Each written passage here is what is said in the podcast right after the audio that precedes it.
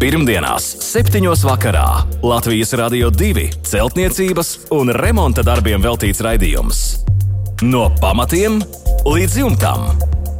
Ar padomiem un atbildēm uz klausītāju jautājumiem Latvijas Rādio 2 studijā - tehnisko zinātņu doktors, būveksperts Juris Biršs. Sveicināti pirmdienas vakarā, kā šajā laikā Latvijas radio divi ēterā risinām būvniecības un remontdarbu jautājumus. Studijā Inese un attālinātas konsultācijas, kā arī padomus, gatavs sniegt būveksperts, tehnisko zinātņu doktors Juris Biršs. Labvakar, Birškungs! Labvakar! Arī šovakar esam darbam gatavi, lai gan noskaņojums vismaz man ir tik pavasarīgs un nebēdīgs. Jā, nu, laiks brīd, tiešām brīnišķīgs. Jā, tiešām esam ielpojuši kārtīgi spirto pavasara gaisu un varam arī kārtīgi pastrādāt. Bet pirms ķeramies pie darba, atgādināšu mūsu klausītājiem e-pasta adresi remonds at lr2.lv. Tur jūs varat iesūtīt savus jautājumus un arī pievienot fototēlus. Jautājumus varat eh, sūtīt arī izmantojot mūsu Latvijas Radio 2 mājaslapu sadaļā raidījumi, raidījumam no pamatiem līdz jumtam, loks iesūtīt jautājumu. Un atgādināšu arī, ka izskanējušos raidījumus vēlreiz varat noklausīties Latvijas radio arhīvā un noteikti izmantojiet arī savas iecienītākās podkāstu platformas. Bet tagad gan pie darba. Konstantīns vēlas uzdot jautājumu par grīdas pīrāgu vecai koka mājai. Un raksta, renovējam māju un ir iecer iztaisnot grīdu, lai ieklātu jaunu segumu. Māja ir veca un tagad ir dēļu grīda, kur ir sašķiebusies. Izplēšot dēļus, atklājām, ka zem dēļiem ir tikai zeme. Kādu grīdas pīrāgu vislabāk būtu veidot un kādu risinājumu izmantot? Jā, nu, jautājums nav, nav jauns un ļoti bieži mēs saskaramies ar šādu tipu jautājumu.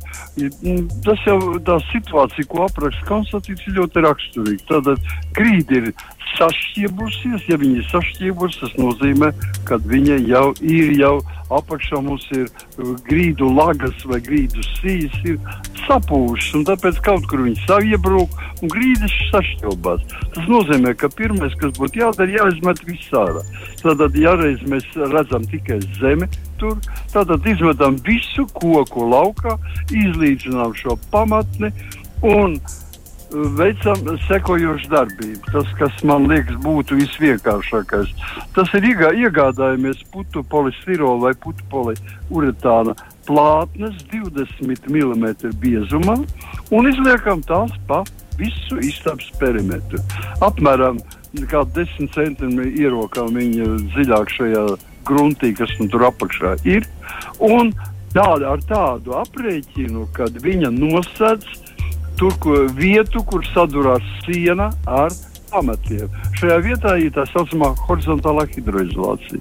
Viņa nosēdz to. Tātad šī plāta ir augstāka. Tālāk mēs visā platībā ievietojam, ieberam šķembas, izlīdzinām un noblietējam. Jāveido ir apmēram 100 mm bieza noblīvēta šķembu kārta. Uz šīs noblīvētās šķembu kārtas klājam virsū tvaika izolāciju. Tas ir vismaz vienkāršāk sakot, dārzniecības plēve no 2 mm biezu un polietilēns. Tādā ar uzlocītiem galiem uz augšu, kas iet uz augšu. Nu, tāpat tas kā jau tas gar malām ieklātās plātnes.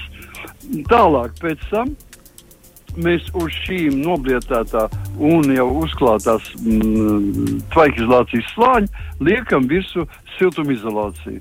Un kā siltumizolāciju izmantojam vai no nu putu polistirolu vai putu poliuretānu. 50 mm. Tas ir minimums, un praktiski arī, ja mēs izmantojam tikai šādu tā saucamo silt, ar grīdu, ar silto pamatni, tad 50 mm. Ja mēs, un varbūt arī nu, varētu sliktā gadījumā 100 likt vēl. Bet, ja mums ir apsildā, apsildāmā grīda, tad tikai 50 mm. biezā kārtā. Un pēc tam uz šīs kārtas, kur arī atstāja apmēram 20 mm pa visu ēkas perimetru, pa visu istabas perimetru no, no sienām nost. Viņa tātad ir atbīdīta peldoša grīda, kas stāv 20 mm no visiem šķēršļiem apkārt sienai. Un pēc tam uz visu šīs šīs uh, siltumizolācijas slāņi mēs liekam virsū plātņu veida materiālu. Nu, teiksim, tas varētu būt uh, riģipsis vai, vai grīdas riģips, nu, vairākas kārtas liekam virsū. Šīs vairākas kārtas teiksim, viens parastais ir mitru izturīgais riģips, otra kārta grīdas riģips, jeb OSB, jeb skaidru platu, un viņas ar mazām skrūvītēm saskrūvējam kopā, lai viņas, tā sakot, strādātu kā viena vesela plātne peldoša vesela plātne, kas atrodas uz siltumizolācijas. Un viss tas praktiski arī tā. Tālāk mēs pēc subjektīvās izvēles uzliekam grīdas segmateriālu, kādu nu mums patīk, un klājam platās grīdas līstas. Tas arī viss process ļoti ātri, protams, aprakstīts, kas ir jāizdara. Jā, paldies, Biržkungs, par atbildi Konstantīnam. Un nākamais jautājums mums arī ir par grīdas pīrāgu. Kādus materiālus izmantot virtuves grīdai un vannas istabas grīdai? Viss ir nojaukts līdz panelim. Apakšā ir pagrabs, galējais dzīvoklis, tātad daudz dzīvokļu mājā. Vai var likt puta plastu virsū stiegrojumu un tad iebetonēt, un cik biezu puta plastu likt? Jautājumu ir atsūtījis Jānis. Jā, Nu, Jānis var vienkārši atbildēt, ka viss ir ļoti pareizi un to arī tā dara. Tātad uz uh, zelta uh, paneļa, kas nu ir atklājies, to liekam virsū putu plastu. Tātad uh, ar, par biezumiem. Tāpat tās, kā tikko jau runājām. Ja? Tātad mums ir, mums ir 50 mm biezu putu plasta kārtu, ja mums ir stila vienkārši, nu, praktiski, ja, ja tas ir, nav, nav pirmais stāvs, un ja mēs izmantojam, teiksim, arī siltās grīdas, 50 mm nebiezāk. Ja mums ir nepieciešams likt kaut ko biezāku virsū, tad to starpību aizvietojam ar beramo keramzītu. Vairāk nekas. Mēs praktiski atbildējām arī uz nākamo Jāņa jautājumu, arī par grīdas ieklāšanu, bet, ja ir jau zināms nepieciešamais grīdas augstums, un tas ir konkrēti 22 cm, un redz, pīrāgs ir veidots šāds, paredzot 1 cm grīdas segumu virskārtu, 6 cm betona kārtu un tad ir 15 centimetri, kurus nepieciešams aizpildīt. Un, ja liek 5 centimetri ekstrudēto putu polisterolu, kā jūs ieteicāt, tad vēl paliek 10 centimetri. Ar ko var Jā. variēt šo grīdas augstumu, nu, manipulēt, ja ir konkrēts vajadzīgs? Jā, nu šajā konkrētā gadījumā tas arī vienīgais, ar ko mēs varam variet. Tātad ar vieglu materiālu, ko var ļoti viegli iestrādāt. Tas ir uh, granulēts, ja vienkārši beramais keramzīts. Teiksim, frakcija no 10, 20 mm. Šādu frakciju mēs varam ieklāt uzreiz uz paneļa, pēc tam mēs liekam virsū siltumizolācijas materiālu un tālāk jau seko tas pats pīrāgs, ko jau Jānis teica. Jā, paldies par atbildi. Lūdzu. Nākamā vēstule mums ir no Māra. Māja celta 1970. gadā, jāsiltina no ārpuses ar fasādes vati. Nesošā siena ir koka karkas ar 150 mm skaitbetonu pildījumu. Iekšpusē 50 mm vatas siltinājums, vajag izolācija un rīģipša apšuvums. Ārpusē balto ķieģeļu apšuvums uz tā saucamās bada kantes. Starp apšuvumu un nesošo sienu ir gaisa sprādziens sprauga apmēram 20-25 mm, kuru dažviet gandrīz jau aizpilda mūrjava, kad tika mūrēti šie ķieģeļi. Ar kādu materiālu labāk aizpūst šo spraugu un vai pēc tam var siltināt no ārpuses ar fasādes vati un arī uzlikt dekoratīvo apmetumu. Jā, nu, situācija arī pazīstama un diezgan bieži ir analizēta un stāstīta. Katrā gadījumā, protams, ir mazliet atšķirības.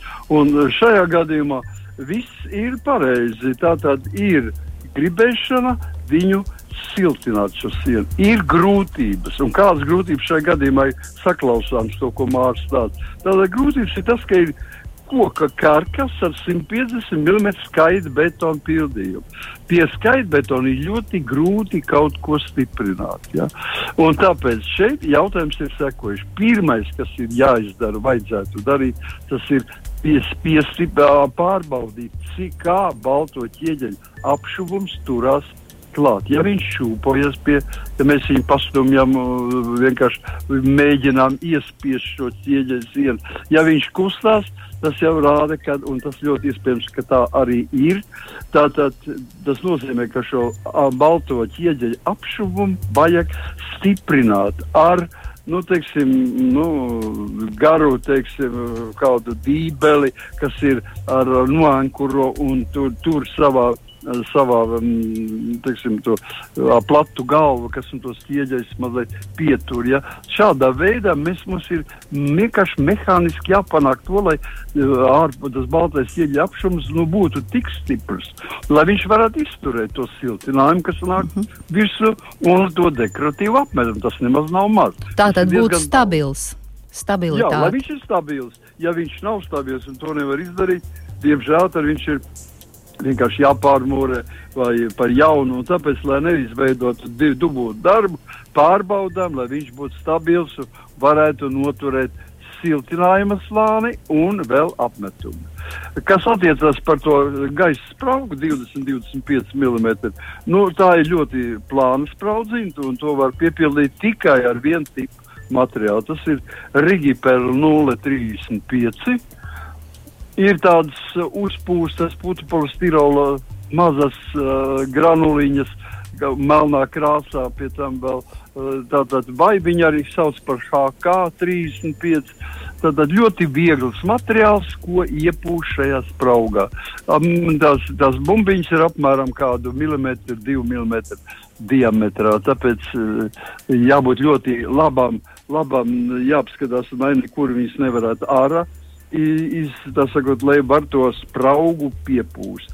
To dara cilvēki, kuri tam ir, ir e, pārziņš šo jautājumu. Tātad vienkārši e, jāpasūta šāds cilvēks, kas, ar, kas piepūš ar ekovatiem un ar šiem materiāliem. Jā, paldies, Birškungs, par atbildi Mārim. Pirmdienās, 7. vakarā Latvijas Rādio 2 celtniecības un remonta darbiem veltīts raidījums.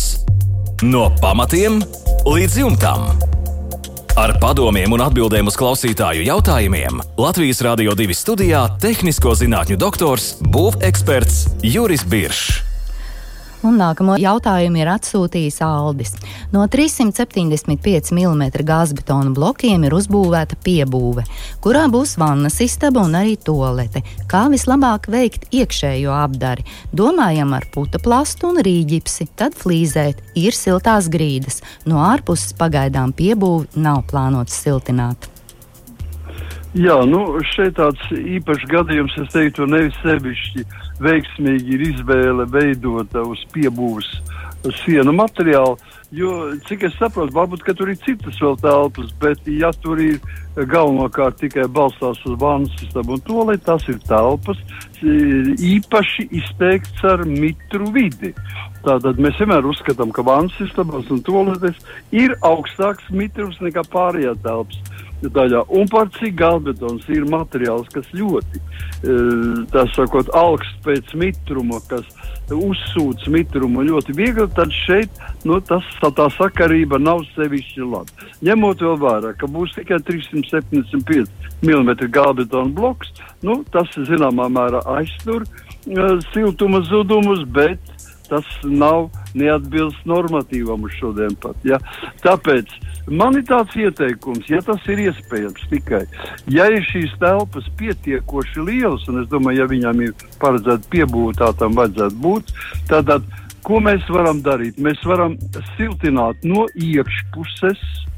No iekšpuses siltinām gāzbetonu sienu, teiksim, ar kaut kādiem nu, vienu vai divām kārtām uh, nu, tas ir uh, mīkstām kokšķiedra plāksnēm. Tas no, varētu nozīmēt no 2,5 cm vai 5 cm. Atkarībā no tā, cik mums ir brīvas vietas. Pēc tam veidojam gaisa starpu 5 cm. Un tad veidojam tādā šos 5 centimetrus, mēs izveidojam ar vieglu metālu profiliem, kas ir gāza uh, riģipša izgatavo, uh, riģipša sienu izgatavošanai, un skrūvējam riģipšu virsmu. Tad mums izveidosies arī ģipsis, arī, kurš, kur mēs varam flīzēt, it kā gaisa tukša telpa, apmēram nu, 5-7 cm. Tā būs uh, siltinājums gāzbetona sienai no iekšpuses un pat, pats gāzbetons. Šo tukšo daļu pieslēdzam pie ventilācijas. Ja, tātad pieslēdzam pie ventilācijas nozīmē, ka mēs vai nu viņu savienojam ar uh, mājas ventilācijas cuku, kas velk pati par sevi šo gaisu ārā, vai mēs pievienojam klāt, tātad izvadam uh, uz āru mm, caurules galu. Un šis caurule, šajā, šajā caurulē atrodas uh, ventilators, kas ir iegādāt, kas strādā uz uh, mitruma sensoriem. Ja? Tātad iestādām uz 70% mitrumu un ieslēdzam pie elektrības.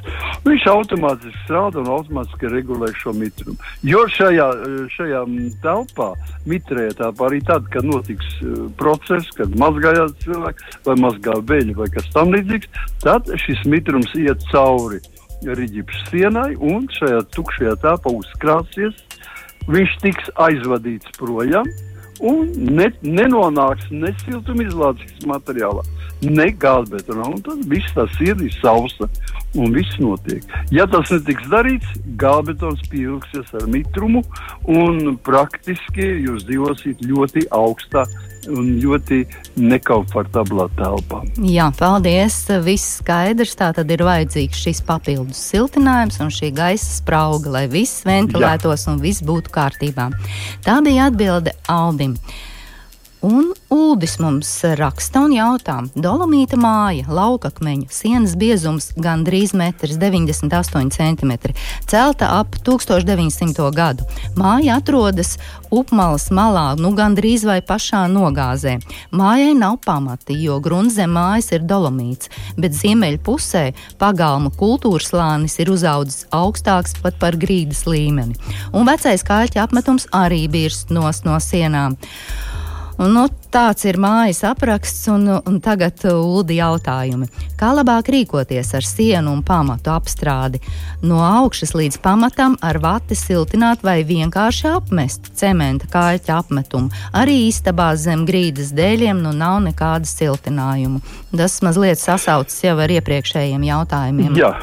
Jā, jā ir, šeit ir interesanta situācija, protams, un es domāju, ka uh, varbūt tas, pat ir vēl uh, šī, šis jautājums nav pats galvenais. Galvenais jautājums ir, kā saglabāt to māju, ja viņi atrodas tajā nogāzes malā. Ja? Varbūt, ka viņi arī Tātad eh, jau no 1900. gada nu, tur varētu būt arī kaut kāds plašs tajā sienā rasties. Tāpēc. Bet eh, atbildēsim konkrēti uz jautājumu, kā tiek eh, jautājums stādīts. Tātad pirmam kārtām mēs nekad nevaram šo ēkas sienu, kas ir 98 cm bieza, siltināt no ārpuses. Tas būtu ārprāts, un mēs neko nepanāktu. Mēs Rīgas staciju siltinātu daudz spēcīgāk nekā nekā savu, savu vietu, kur mēs gribam kaut ko darīt vai kaut kā notiek kādi tehnoloģiskie procesi. Tāpēc siltinām viņu no iekšpuses. Ar uztaisām karkasu iekšpusē, cik es saprotu, šādas lielas mājas ir arī ar pamatīgām telpām. Tad uztaisām karkasu, koka vai metāla, vieglu metālu karkasu, vismaz centimetrus 15, 20 no iekšpuses piepūšam to pilnu ar ekovati. Ne ar minerālu, bet no, e, ar ekovātu. Jo siltināšana notiek no iekšpuses. Ārpusē jūs varat nedarīt neko. Tātad, kas uh, būtu saistīts ar siltināšanas darbiem. Ja? Un tātad šādā veidā panākot to mm, siltinā, siltinājumu, viņš uzkrās iekšējo mitrumu. Tas iekšējais mitrums virzīsies tomēr uh, virzienā uz āru un ļoti lēnā. Lēnā gaitā tas mitrums tiks arī caur visiem 98 cm sienu izelpots. Viņš tiks Gar par, par teiksim, akmens spraugām, par mūrēšanas spraugām viņš tiks, tiks izvadīts laukā, ja. Un tāpēc Nu, kas attiecās uz, tas būtu par sienām, bet kas attiecās uz, uz istabas uh, zem grīdiem nav dēļu, tur ir pilnīgi tāpat atbilde, ko es jau teicu pašā pirmā jautājumā šodien. Ja tā tad praktiski ļoti īsi atkārtojot, tas nozīmē kokus ārā uz dēļiem uz tievos grunts liekam 100 mm noblīvētu šķembu kārtu, uz viņas tvaika izolāciju, uz tvaika izolācijas siltin, siltinājumu slāni, uz siltinājumu slāņa vairākus slāņus mm, plākšņa veida materiāls, piemēram, mm, tas varētu būt uh, rīģips parastais, rīģips grīdas rīģips pēc tam virsū, vai skaidra plate, vai saplāksnes, un uz tā grīdas segmateriāli, ja viņš ir nepieciešams vēl. Un praktiski tas ir viss šeit, nekādas atstāt uh, ap, uh, ap sienām nu, nelielas centimetris centimetru mm, platas spraugas aptuveni. Ja? Jo es nezinu, vai tur liks iekšā vai neliks grīdas uh, līstas, nu viņas varētu likt. Šeit divi centimetri pat nav vajadzīgs, jo te ir dabiskais akmens mūrs 98 centimetru bies. Praktiski tas arī viss, ko gribēju pateikt. Jā, paldies par atbildi Udim, bet man tomēr mulsina, ka šī māja atrodas up, upmalas pašā, pašā nogāzē. Tomēr vajadzētu kārtīgi izpētīt, vai, vai nav kādi draudi, kā Ulds raksta pašā kantī. Uh, Tā kā Jā, ar nu, to jātiek nezinu, galā. Nozīmē, nozīmē pašā kantī, tas nozīmē, uz manās izpratnē, tas ir līdz ar, līdz ar, jā, jā, jā. ar nogāzi. Ja? Tā izskatās. Mm -hmm. Jā, nu redziet, ja nav plaisas un mājas stāv no 1900. gada, tas nozīmē, ka kad nu, tur nevajadzētu sevišķi satraukties. Iekšā. Tas ir skaidrs, ka apakšā lejā upmals nogāzē, ejot ūdenim, ja tātad visi ūdeņi, ka, kas nāk no nogāzes iet caur šo māju. Jo mājai pagrabi noteikti nav šādai. Mājai tāda, ja pagrabi nav, tad ūdens cauri iet. Bet, ja plaisu nav siena, tad problēmas nav tik lielas. Ja ir plaisas, nu, tad gan būtu vajadzība padomāt, kā varam teiksim, to daļu, kas atrodas tuvāk kantītei, nogāzes kantei, to vajadzētu kaut kā mākslīgi balstīt. Jā, paldies! Jautā klausītājs! Un nākamā klausītāja, kas mums ir atsūtījis savu jautājumu, ir Iveta. Un jautājums ir šāds: vai skaitbetona māju var siltināt no ārpuses un ar ko? Redziet, šis jautājums ir visvienkāršāk atbildamais, jo, teiksim, skaitbetona māju var siltināt, Protams, ir savas grūtības, par tām tūlītās pieminēsim, bet viņu siltināt var. Un, ja mēs kādu no mājas, vienalga, kāda būtu ēka, siltinām no ārpuses, tad mums ir arī pilnīgi vienalga, kāds ir siltinājuma materiāls principiāli, teorētiski. Protams, ir labāki, efektīvāki, mēs sakām, siltumizolācijas materiāli un mazāk efektīvi. Bet, ja mēs siltinām no ārpuses, mūs īpaši tas nesatrauc. Mēs vienmēr varam siltināt. Atkarāsies tikai viens materiāls būs biezāks, otrs plānāks. Nu, ideāls gadījums priekš skaidru mājas siltināšanas no ārpuses, protams, ka ir parasta mm, akmens vate. Ja. Akmens vate ar fasādes akmens vate, ko mēs varam siltināt. Ja, kur slēpjas grūtības? Grūtības slēpjas tas, ka arī grūti mehāniski siltināt, tas ir stiprināt šo siltinājumu pie eh, koka skaidra, pie mm. skaidra betona. Trausls materiāls. Ir, Jā, viņš ir trausls materiāls. Viņš viņā skrūvē iekšā, tā skrūve ir ārā, viņā dzen naglu. Tā nagla ir mm, nāk līdz uz lauku. Un ļoti bieži gadās, ne, nevienmēr, bet ir stiprākas um, struktūras skaitbetonam, bet ir dažas, nu, galīgi nav ko, ko stiprināt. Mm -hmm. Tādā gadījumā veidot divas vai trīs viegli metāli, nu, kas ir viegli, viegli metāla profili, no kuriem mēs stiprinām reģipšu plāksnes. No šiem, no šiem materiāliem veidot divas vai trīs gredzenus ap māju riņķi. Viņi savstarpēji saskrūvējot un savalkot var izveidot divus vai trīs gredzenus. Virsloga, zemloga, ja, un, un, mēs šādā veidā teiks, nu, divas noteikti var izveidot. Un tad mēs, kad esam izveidojuši šādas divas gradzenes, tad mēs veidojam vertikālo daļu, pieskrojam klāta vertikāli tāds pašs pašus uh, profilus un sapildām iekšā šo siltinājumu materiālu. Teiksim, šo akmens vati. Ja? Un pēc tam jau viss ir kārtībā. Tad mēs viņu, viņu vai nu apšujam ar kādu no, no apšuves materiāliem, vai arī apmetam. Bet viss tas turās uz šiem gradzeniem. Tas ir tajā gadījumā, ja uh, skaitbetons nu, ir ārkārtīgi vājš. Uh mhm. -huh. Jā, paldies par atbildi Ivetai. Savukārt Jānis nevar izvēlēties ieejas durvis daudz dzīvokļu mājā - metāla ar putaplasta pildījumu vai ar akmens vatas pildījumu. Ko jūs ieteiktu Jānim Birškungs? Nu, es teiktu, ka Jānis Jānis izvēlēšana vispār nav sevišķi, sevišķi veiksmīga, tāpēc, ka nu, šīs metāla durvis ar, ar, ar, ar siltumizolācijas materiālu pildījumu nu, nav tas labākais variants priekš daudz dzīvokļu mājām. Man jau labāk patītos kārtīgas pilnu koka durvis, bet ja tādas šādas mēs izvēlamies, tad, protams, ka labākais būtu akmens vatas pildījums, jo vispirms jāizvēlas visdrošākās durvis. Un visdrošākās durvis attiecībā pret Latvijas būvnormatīviem, kas skar uguns um, noteikums, tad ugunsdzēsības noteikums. Un putu plasta pildījums ir uguns neizturīgs pildījums.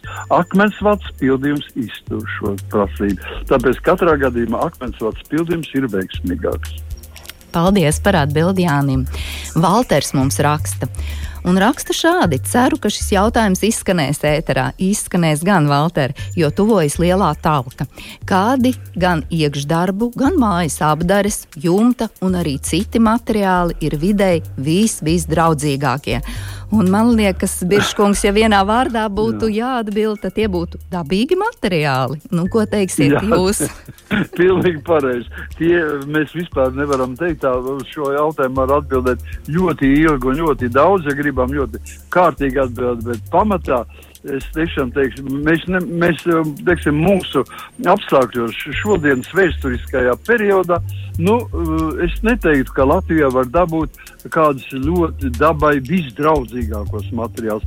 Mēs pagaidām ļoti mazā apmērā izmantojam šo dabai visdraudzīgākos. Mēs izmantojam pamatā neitrālus materiālus, kam nav nekāda ļauna vai agresīva izpausme gan pret cilvēkiem, gan pret dzīvniekiem, gan pret augu valsts, tātad pret dabu. Nav nekas. Un tas nozīmē, ka lielākoties tie visi ir koku bāzes produkti.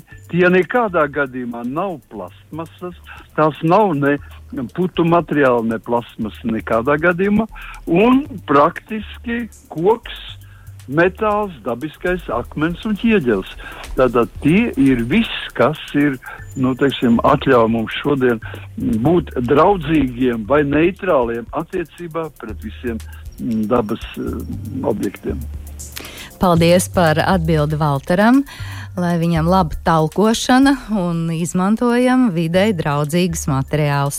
Līdz ar to arī šīs dienas raidījums tuvojas noslēgumam. Vēlreiz atgādināšu mūsu e-pasta adresi remonts at lr2.lv. Sūtiet savus jautājumus, jo mēs jau tiksimies pēc nedēļas, nākamā pirmdiena.